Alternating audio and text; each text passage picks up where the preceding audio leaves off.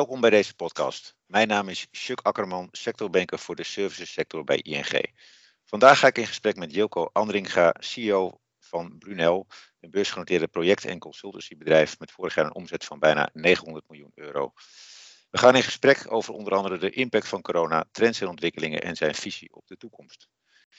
Uh, voor de luisteraars die jou nog niet kennen, Jilko, wie is Jilko Andringa?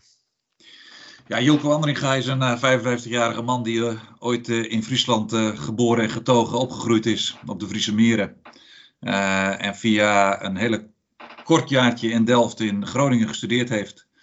En na mijn studie in Groningen bij ESSO, ExxonMobil, ESSO terecht is gekomen. Daar heb ik vijf zeer leerzame jaren gehad. Uh, stookolie verkocht, benzinestations gerund. En nu eigenlijk heel belangrijk die ervaring. In mijn rol uh, bij Brunel heb ik veel te maken met klanten die in de technische sector zitten. En ook met uh, klanten die in de olie- en gasindustrie zitten.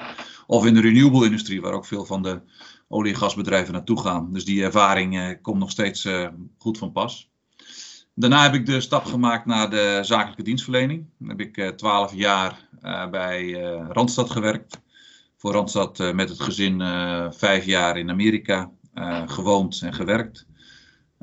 na Randstad een stap gemaakt naar een Amerikaanse branchebroeder Manpower Groep. Daar negen jaar mooie rollen in Europa voor mogen doen.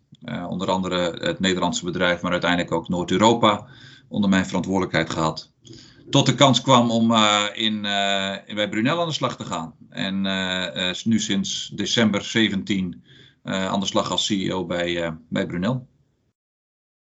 Mooi. En, en Brunel, waar staat Brunel voor? Dat kan ik op heel veel verschillende manieren beantwoorden. de naam Brunel zegt al iets over wie we zijn. er is een, verhaal van onze founder Jan Brandt hoe hij de naam gevonden heeft. Toen de bankiers hem adviseerden dat zijn mooie bedrijf Multec en alle andere bijgekochte merken toch maar onder één nieuwe umbrella uh, moesten om het daarna naar de beurs te kunnen brengen. Toen moest hij een nieuwe naam bedenken. het formele verhaal is dat hij samen met zijn vrouw in het stratenboek eigenlijk met het potlood een, een stip wou zetten en zeggen, nou als het een beetje een mooie plaatsnaam is, dan gebruiken we dat. Maar het stratenboek in die tijd viel open op de plantjes langs de weg. En daar vonden ze een plant en die heette de Brunella vulgaris. En de Brunella vulgaris is een plant die groeit eigenlijk overal in de wereld. En die heeft de eigenschap om uh, zichzelf te beschermen als het wat minder gaat. Om dan weer sneller te kunnen bloeien als de omstandigheden goed zijn. Toen dacht hij, dat is zo'n mooie analogie. Die ga ik gebruiken voor, uh, voor het bedrijf. En daaruit is de naam Brunel gekomen. Maar het aanvullende verhaal is dat hij kort daarna gebeld werd door zijn zwager, een Engelsman. Die zei: Wat heb je een mooie naam voor je technische bedrijf gekozen. Want de engineer, Isambard Kingdom Brunel, is een wide-angled engineer. Is een engineer die zulke unieke projecten in Engeland heeft gedaan. En altijd zaken van een net andere kant bekeek. Dat het eigenlijk een ondernemer en engineer in één is. En dat is toch precies wat Brunel is. Dat is eigenlijk een toevallig verhaal die wij, uh, waar wij ons graag uh, nog steeds mee vergelijken en mee, mee, koppelen. Omdat het ook een mooie analogie is voor wat Brunel is. Ja, mooi, uh, mooi verhaal inderdaad. Uh, en, uh, en, en, duidelijk waar jullie voor staan. Um, ja, dan even naar corona. Dat begon natuurlijk vorig jaar, vorig voorjaar, inmiddels een tijd geleden. Wat is voor jullie de impact geweest van corona? Net als elk ander bedrijf heftig, omdat het een schrik was. Er was een nieuwe wereld aan het ontstaan. Ehm, de impact op individuen is natuurlijk heel groot geweest. En uh, elk bedrijf en elk leiderschap in bedrijf heeft denk ik een uh, uh, gevoeld hoe, hoe belangrijk het is om, om zorg te verlenen, om vanuit je leiderschapsverantwoordelijkheid ervoor te zorgen dat de organisatie er zo goed en zo veilig mogelijk doorheen komt. Ehm, voor mij praktisch begon de coronacrisis voor Brunel op het moment dat ik in Perth zat. We zaten met het leiderschapsteam acht regiodirecteuren in, in Perth aan tafel. En in die week begon uh, de wereld, en het was natuurlijk al bekend dat er corona was, maar begon de wereld fors te reageren door uh, de eerste lockdowns aan te kondigen. De, de, de stockmarket ging fors reageren, de olieprijs ging heel fors reageren. En wij beseften ons zittende, daar zittende, dat we een nieuwe werkelijkheid ingingen.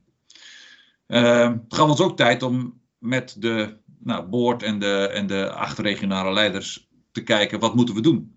En we hebben een programma gecreëerd van, van vier stappen. En, en, de eerste stap gaat altijd over de, nogmaals de veiligheid van mensen. Hoe kunnen we zorgen dat iedereen veilig thuis komt? Dat gold overigens ook voor ons. We moesten in die week versneld naar huis om te zorgen dat we net voor de lockdown allemaal weer in onze regio's aanwezig waren.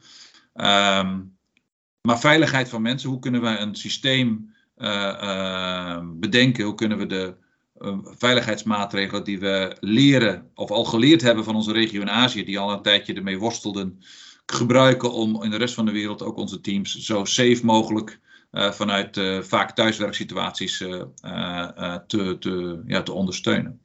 Daar kwam natuurlijk ook bij de technologiekant. Hè. We hadden al eerder gekozen voor een ja, een platform die ons fantastisch kon ondersteunen in het thuiswerken.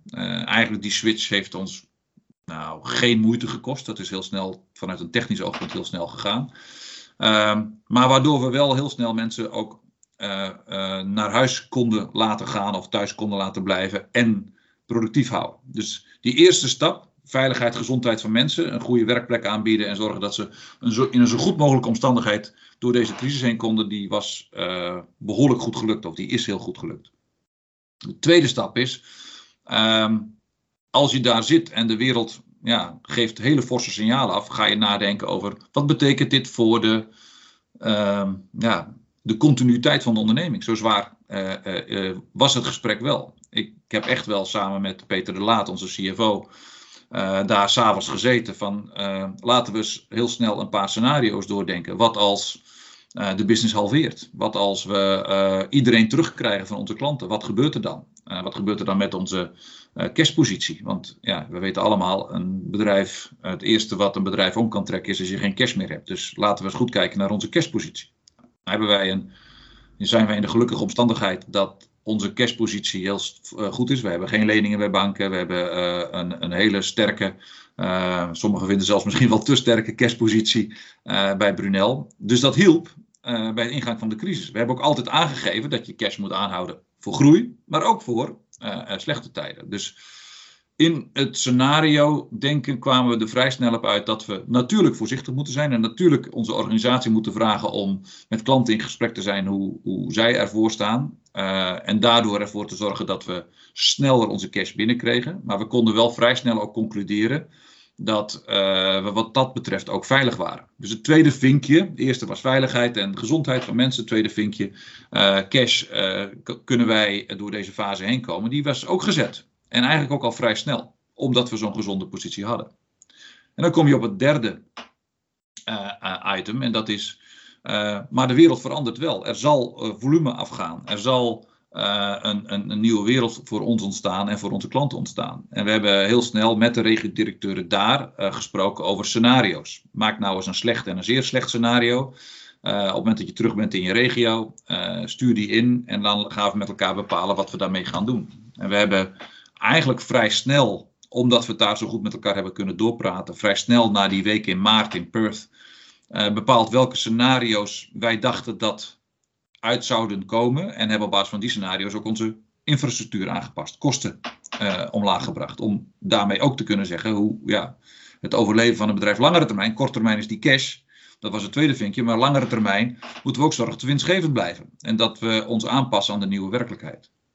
Nou, we hebben uh, heel snel niet alleen de scenario's gekozen, maar ook executie gedaan op die scenario's. En eigenlijk in de zomer van 2020 uh, uh, waren we daar al klaar mee. En hebben wij uh, behoorlijk wat kosten uit de organisatie kunnen halen. Uh, en dat is in dienstverlenende organisaties ook heel veel mensen, helaas. Maar wel gedaan en vanuit leiderschap moet ik zeggen, ben ik trots op wat mijn teams daar hebben gedaan. Um, ook met behoud van engagement. we doen heel regelmatig engagement surveys.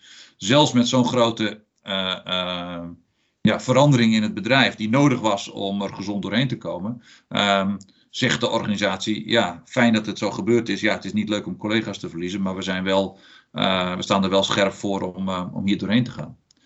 Dus wij konden al in de zomer van 2020 ons derde vinkje zetten, dat we ook uh, ons aangepast hadden aan de nieuwe werkelijkheid. En, ja, en dan komt het, het, het soort van positieve nieuws en ook het ondernemerschap wat diep in ons bedrijf zit. Wat kunnen we dan doen om er beter uit te komen?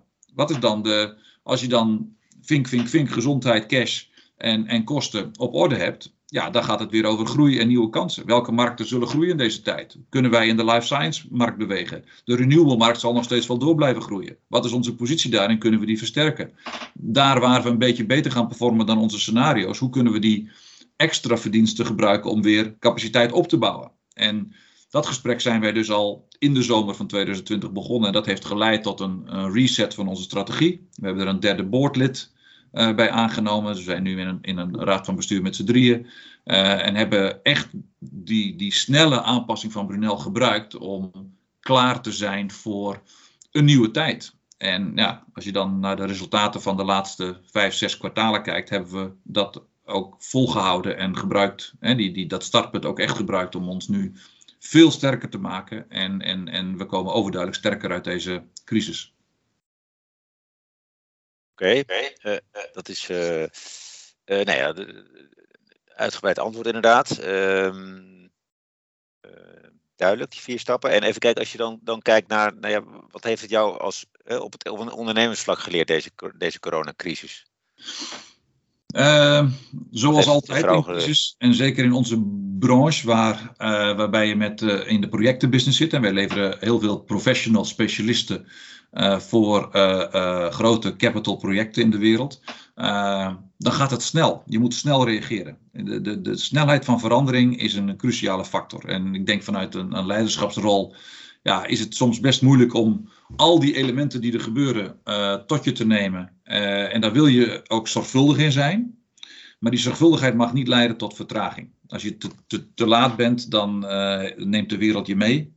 en ben je aan het reageren en ben je niet meer proactief aan het, aan het organiseren. En ik vind voor mijzelf wel de belangrijkste les vanuit deze crisis maar wederom, want er zijn natuurlijk uh, vele crises ons al, uh, zijn, zijn, er al in, in de afgelopen decennia geweest. Ehm, als je te laat reageert, dan verlies je. wat er hierbij bij kwam, is die gezondheidsfactor.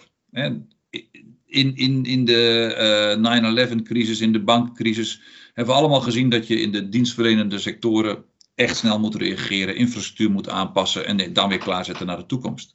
Alleen nu hadden we ook te maken met een situatie uh, die je niet in de hand had, namelijk de gezondheid van je mensen. Uh, en alles wat we konden doen daar, uh, om te zorgen dat, in ieder geval vanuit onze rol als werkgever, mensen te supporten in een veilige werkplek en eigenlijk ook als familie, als grotere Brunel-familie, veilig door deze periode heen komen. Dat was een nieuwe ervaring. En ja, daar heb ik vreselijk veel in geleerd hoe je dat uh, internationaal uh, kan opzetten. Hoe je uh, de, de goede ervaringen, maar ook de slechte ervaringen uit regio's met elkaar kan delen. Waardoor je eigenlijk steeds een beetje sterker daarin wordt. Dat is wel een, een nieuwe ervaring in deze COVID-crisis. Kan je, kan daar een voorbeeld van noemen, hoe, jullie dat hebben gedaan? Om die, om die mensen zeg maar veilig door de crisis nou ja, wij waren, uh, een van onze kantoren, uh, grotere kantoren zit in Singapore, die al heel snel te maken hadden met, uh, met lockdowns, al, al ver voordat wij dat hier in Europa hadden. Um, en die hebben allerhande systemen eerst mogen proberen, on, onder ook de, de policies van de Singaporese overheid. Um, en dan policy is 50-50 teams, dus we, we splitsen de teams. We zorgen dat één team thuis werkt uh, en de andere op het kantoor. Want als er dan iets gebeurt met het team op kantoor, dan kan het andere team inspringen. Uh, is dat dan de juiste manier? Want ja, je mist wel het contact binnen een team uh, van specialisten of van salesmensen of van recruiters. want die zien elkaar nooit meer. is dat dan wel de, de juiste vorm naar de toekomst toe? Ehm, helemaal in het begin was er enorm veel angst over het aanraken van deurkrukken, het gebruik maken van de, dezelfde keuken, et cetera. Um, uh, extra cleaning ging helemaal door panden in Singapore, maar later ook in Duitsland heen. Um, is dat dan wel nodig? Of hebben we geleerd dat als je gewoon afstand houdt en in sommige regio's mondkapjes draagt, dat je geen besmettingen in je kantoren krijgt? Dus we hebben echt de data gebruikt de, de, actie, de ervaringen gebruikt, maar ook de data gebruikt om te kijken uh, hoe we dat in uh, een volgende fase of in een volgende regio beter konden toepassen. En dat is heel goed gelukt. Mooi, duidelijk. nou, je had het al even over data. Ik was wel benieuwd wat jullie als organisatie verder doen op het gebied van data en digitalisering. Ja, dat is een, prachtige aanvulling op de dienstverlening die wij leveren. Uiteindelijk de dienstverlening is dat je skilled specialisten, dus opgeleide specialisten, uh, precies passend bij wat de klant nodig heeft, uh, soms als team passend bij wat de klant nodig heeft, ehm, kunt leveren. Dat is de, in, in de basis team vanuit een consultancy product of een, of een productenondersteuning, of een projectondersteuning, sorry. Uh, maar om daartoe te komen heb je heel veel data nodig. Je moet echt begrijpen welke trends er zijn in de markt. En dat kan, gaat niet alleen over um, welke software, welke uh, individuele skills er nodig zijn in projecten. Maar het gaat ook over um, waar zijn precies de investeringen? Wat zijn de, uh, um, de grotere projecten van, van, je, van je concurrenten? Hoe kan, hoe kan je de klant helpen om de markt beter te begrijpen vanuit de data die wij hebben? De data die wij sowieso natuurlijk verzamelen is uh, uh, welke skills werken op welke plek in de wereld tegen welk tarief. hoeveel aanvragen van bepaalde skills blijven openstaan. Dus er zijn heel veel basisdata die wij gebruiken voor, om onze eigen operatie beter te maken. Maar we delen die data ook steeds meer met onze klanten om onze klant slimmer te maken. En, en, en te laten begrijpen in, in, in welke wereld hij of zij opereert en hoe ze daar hun concurrentiepositie kunnen versterken. Wat wij uh, de, de recent steeds meer doen, is harde en softe data uh, aan elkaar connecten. Uh, en de softe data zijn meer de assessment data, ervaringsdata. Hoe heeft iemand geopereerd? Hoe heeft een team uh, succes of geen succes gehad? En dan dat koppelen aan hoe we zo'n team inzetten bij de klant. Of hoe we het volgende team samenstellen voor de klant. dus er zijn waanzinnig veel bronnen. zeker als je in, in, in ons vak zit waarbij ja, als werkgever van heel veel professionals of heel veel plekken in de wereld uh, acteert. Uh, ja, de truc is natuurlijk hoe je van, uh, van data informatie maakt. En, uh, en daar zijn we grote stappen in aan het zetten. Door allereerst ons datahuis weer een keer op orde te brengen. Een, een, een improvement van ons data warehouse. Dan met, met allerhande Power BI toepassingen. vanuit de data informatie te maken. En dan de ultieme stap is daar externe data en interne softe data aan toe te voegen, waardoor je uh, zelf slimmer wordt en je klant slimmer maakt, maar ook de specialist slimmer maakt. En, en op het gebied van digitalisering, wat, wat, wat, zijn, wat, wat doen jullie daar op dat gebied? Ja, dat is een hele brede, dat is een heel brede vraag. Ja.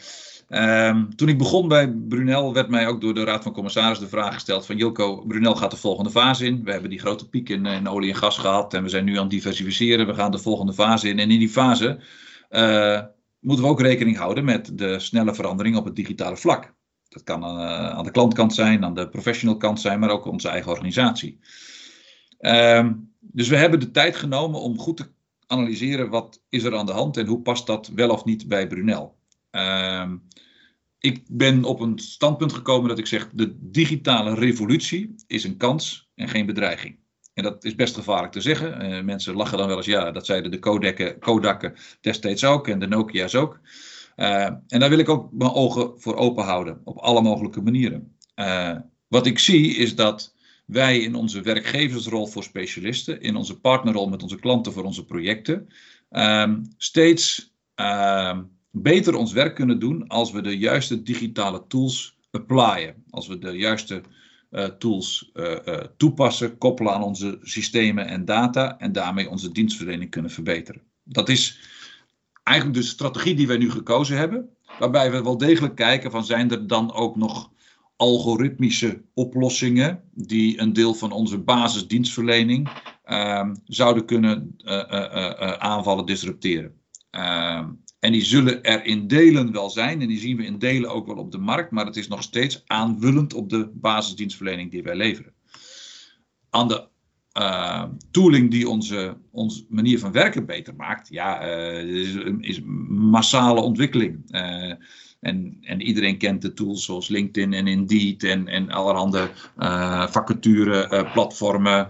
Ehm, maar natuurlijk ook de social media hebben allemaal een positieve bijdrage aan de manier waarop wij netwerken kunnen vergroten en intensiveren. Want je hebt meer kansen om in contact te zijn met je toekomstige en huidige professionals. Je hebt er meer, uh, je krijgt meer data over wat er in hun netwerken uh, aan de hand is en aan de gang is. Ehm, en die kunnen wij prima gebruiken. Er zijn slimmere tools om pre-matches te maken. Om te zeggen van nou, als de klant dit project heeft en, en dit soort software toepast en dit soort technieken toepast. Nou, dan zitten de, de beste professionals zitten waarschijnlijk in die omgeving met die opleidingen van die universiteiten in die landen in de wereld. Die soort van pre-matches, die, uh, die, laat, die, ja, die, die, die laten wij wel maken door de verschillende algoritmes die uh, wij zelf ontwikkeld hebben, of soms ook gewoon beschikbaar zijn in de digitale tools. Dus de digitalisering gaat heel snel in onze industrie, maar ik zie het echt als heel positief, als, als aanvullend voor ons, die, een versterking van, van onze dienstverlening. En als je, een andere belangrijke trend is natuurlijk duurzaamheid. Ehm, wat doen jullie op dat gebied zelf als organisatie? En wat ja. stappen, stappen willen jullie er verder nog in zetten?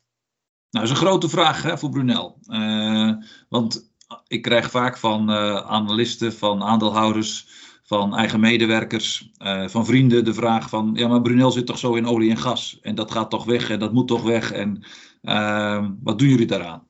Nou, een, een, een, een antwoord wat heel veel facetten heeft. Kijk, in de basis bedienen wij klanten in uh, heel veel industrieën. En olie en gas is een belangrijke industrie, maar ook renewable is een belangrijke industrie. Wij helpen onze klanten in olie en gas in hun energietransitie. Een belangrijke uh, uh, bijdrage die wij leveren is ervoor te zorgen dat wij met een compliant oplossing onze klanten helpen op een veilige manier die transitie te maken. als je het over sustainability hebt, gaat het natuurlijk nog veel verder. Gaat het ook dat wij ervoor zorgen dat mensen fair betaald worden, fair behandeld worden. Allemaal zaken die vanuit onze ESG waanzinnig belangrijk zijn, continu getoetst worden. en we een, een, een, een voorloper, een koploper in zijn. Um, en dan nog blijft die vraag, ja, maar nog steeds, de engineers die jullie dan zo compliant en zo zorgvuldig geplaatst hebben, werken nog steeds in de olie- en gasindustrie. Ja, dat klopt. En de olie- en gasindustrie groeit ook nog steeds. En er zijn nog steeds heel veel grote investeringen om de stijgende vraag in de wereld uh, op het gebied vooral van LNG aan te kunnen. Nou, sommige mensen zeggen LNG is een schone brandstof, dus daarmee help je al. Uh, die discussie wil ik nu niet aangaan. Wat ik wel weet is dat wij ervoor zorgen dat die grote klanten, uh, die allemaal steeds meer een mooie agenda hebben om ook bij te dragen aan minder CO2-uitstoot, aan een, aan een minder grote opwarming van de, van de aarde, dat die klanten uh, daar hulp bij nodig hebben. Die willen de juiste specialisten in hun nieuwe projecten, in hun hydrogen projecten, in hun storage projecten, in hun offshore wind projecten, willen ze allemaal uh, hebben. En daar investeren wij in. Daar helpen wij ze in. In onze basisdienstverlening door goede matches te maken van specialisten op hun projecten. Doen wij daarnaast als organisatie nog iets? Jazeker. Wij snappen dat wij een hele kleine overigens footprint hebben, want we zijn een dienstverlener. Wij hebben geen grote vrachtauto's, schepen of, uh, of fabrieken. Maar wij uh, reizen wel. Onze professionals gaan wel van het ene land naar het andere land. Uh, wij hebben wel auto's op de weg, in, in, vooral in, in, in Europa. En we hebben wel kantoren die ook elektriciteit gebruiken. Dus wij hebben wel degelijk een verantwoordelijkheid. En die nemen we heel serieus. We hebben ons gecommit op een afbouw van onze eigen uitstoot. In lijn met de, met de Parijsakkoorden. En we willen daarin verder gaan. We hebben een ambitie om uiteindelijk net zero emission te zijn. Uh, we zijn vol bezig om eerst onze eigen footprint zo fors mogelijk te verlagen en dan te kijken wat voor offsets we nog nodig hebben om die volgende stap te maken. Daarnaast uh, zijn Brunellers trotse en verantwoordelijke uh, uh, collega's die in hun eigen omgeving, in hun eigen lokale omgeving ook willen bijdragen. Nou, naast dat ze dat doen op kantoor door het licht uit te zetten en te zorgen dat we uh, zo weinig mogelijk impact hebben, doen ze dat ook door projecten te ondersteunen waarbij we plastic uit de natuur halen. Wij hebben wereldwijd ondersteunen wij verschillende organisaties waarbij plastic uit de zee, plastic uit de rivier en plastic uit de natuur wordt gehaald. Um, dus het is ook nog een, een actieve onderdeel van onze Brunel Foundation, een door Brunellers opgerichte foundation die op uh, planet en people bijdraagt. Nou, en de planet kant is vooral gericht op uh, plastic uit zee halen. De people kant van de foundation is uh, mensen met autisme steunen om dichter bij werk te komen. Ook een van onze sustainable focuspunten. mensen met autisme zijn vaak zeer professioneel, zeer geskild, maar hebben moeite om in een een normaal sollicitatieproces of in een, in een drukke omgeving te laten zien wat ze kunnen. wat wij doen is samen met onze klanten en onze specialisten de mensen met autisme ondersteunen om dichterbij werk te komen. Om ze te trainen hoe je een gesprek dan wel voert, maar ook vooral de bedrijven te trainen. Welke vragen ze wel en niet kunnen stellen, in welke omgevingen ze dat zouden kunnen doen om de talenten van mensen met autisme ehm, te ontdekken. Dus we hebben een breed scala aan, uh, aan oplossingen om uh, de wereld een beetje beter te maken, om onze rol daarin te pakken. Maar wel degelijk ook nou, terug naar de planetkant, om te zorgen dat er een kleinere footprint in de wereld komt, waardoor we hopelijk de opwarming van de aarde zo snel mogelijk kunnen stoppen.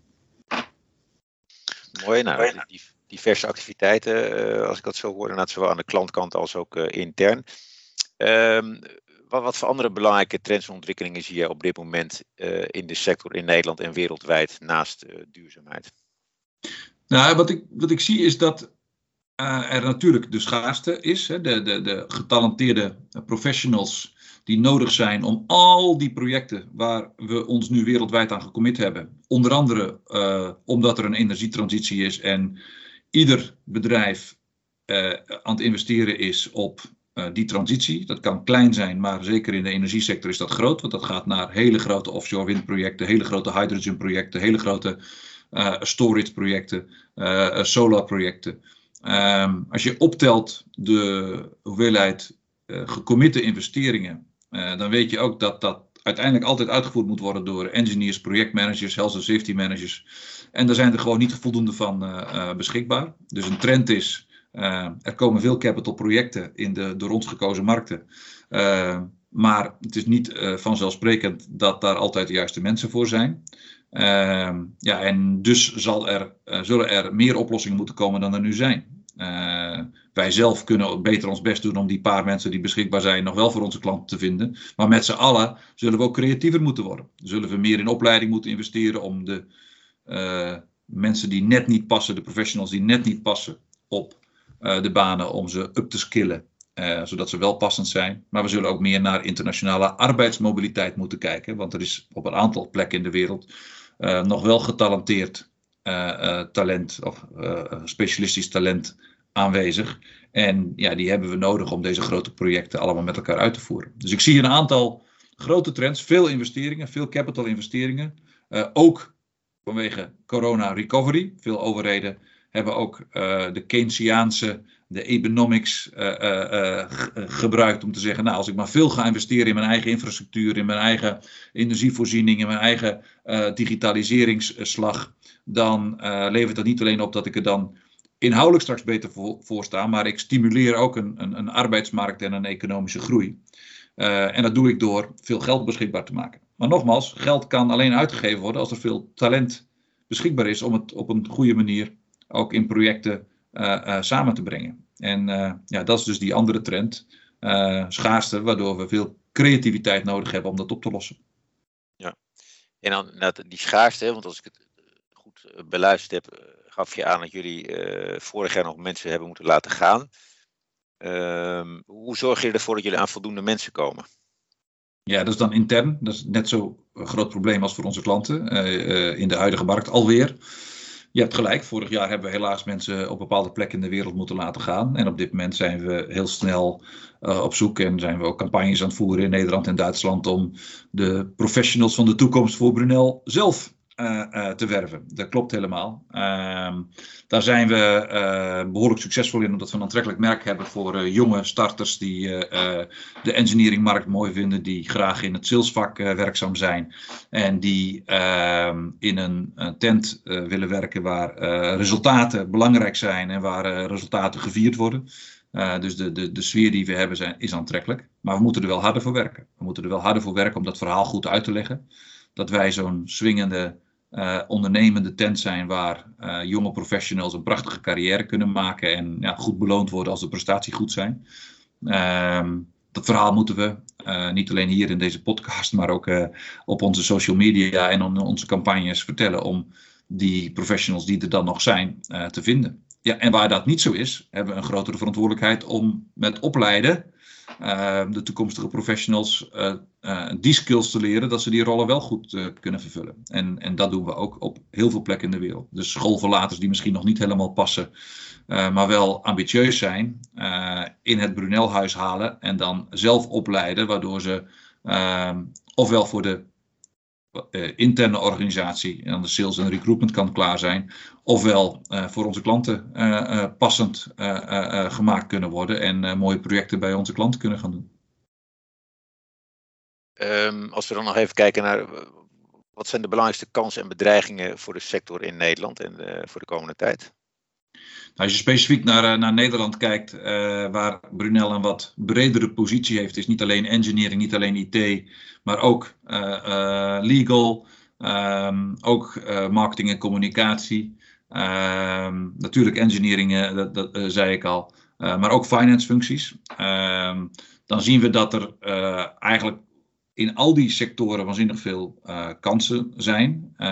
ook in Nederland is de schaarste voor ons, maar ook voor onze industrie, een, een, een, ja, ik zou bijna zeggen meer een kans dan een bedreiging. Want wij zouden als consultant, als projectmanagementbedrijf juist in staat moeten zijn om die schaarste te gebruiken om, om, om oplossingen te vinden voor onze klanten. Dus die trends zijn hetzelfde aan, aan, die ik eerder heb aangegeven.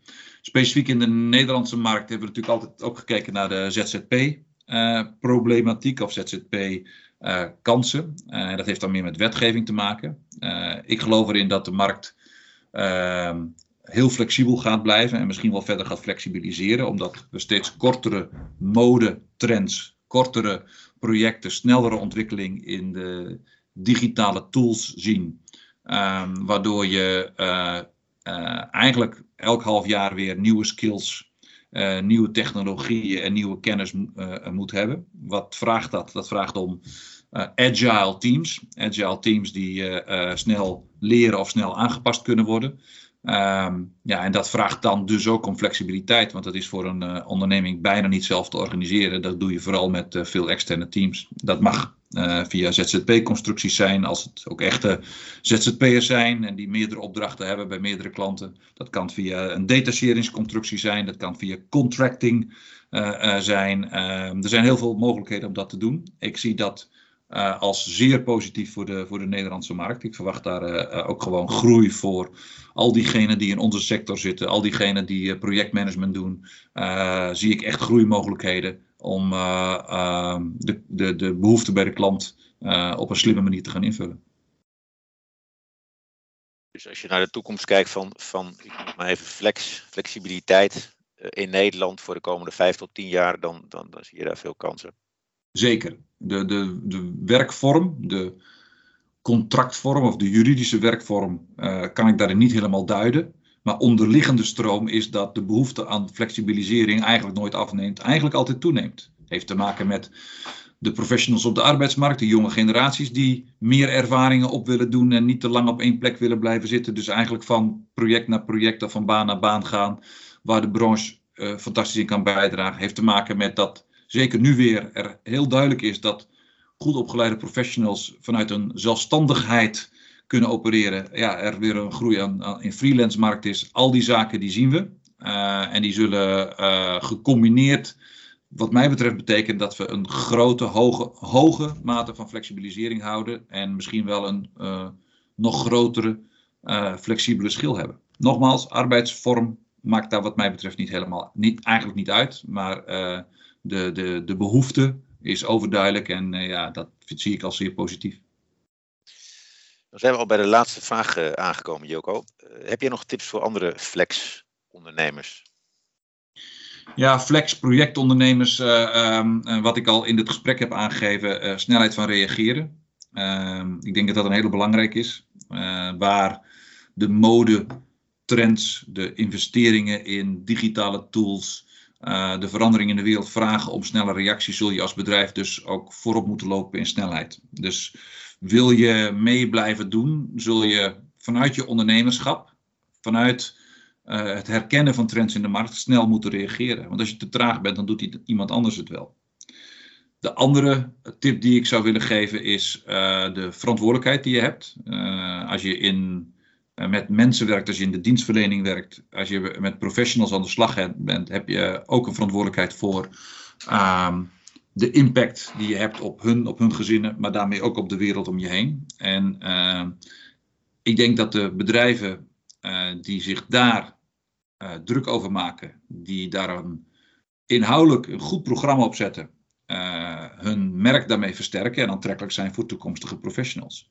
En heb je die aantrekkelijkheid niet, ja, dan word je gecommoditiseerd. Dan kan je een proces draaien en zul je uh, waarschijnlijk op andere factoren dan kwaliteit moeten concurreren. Maar wil je als specialist gezien worden en je wilt als op kwaliteit uh, mee kunnen, ja, dan denk ik dat je investering op merknaam, investering op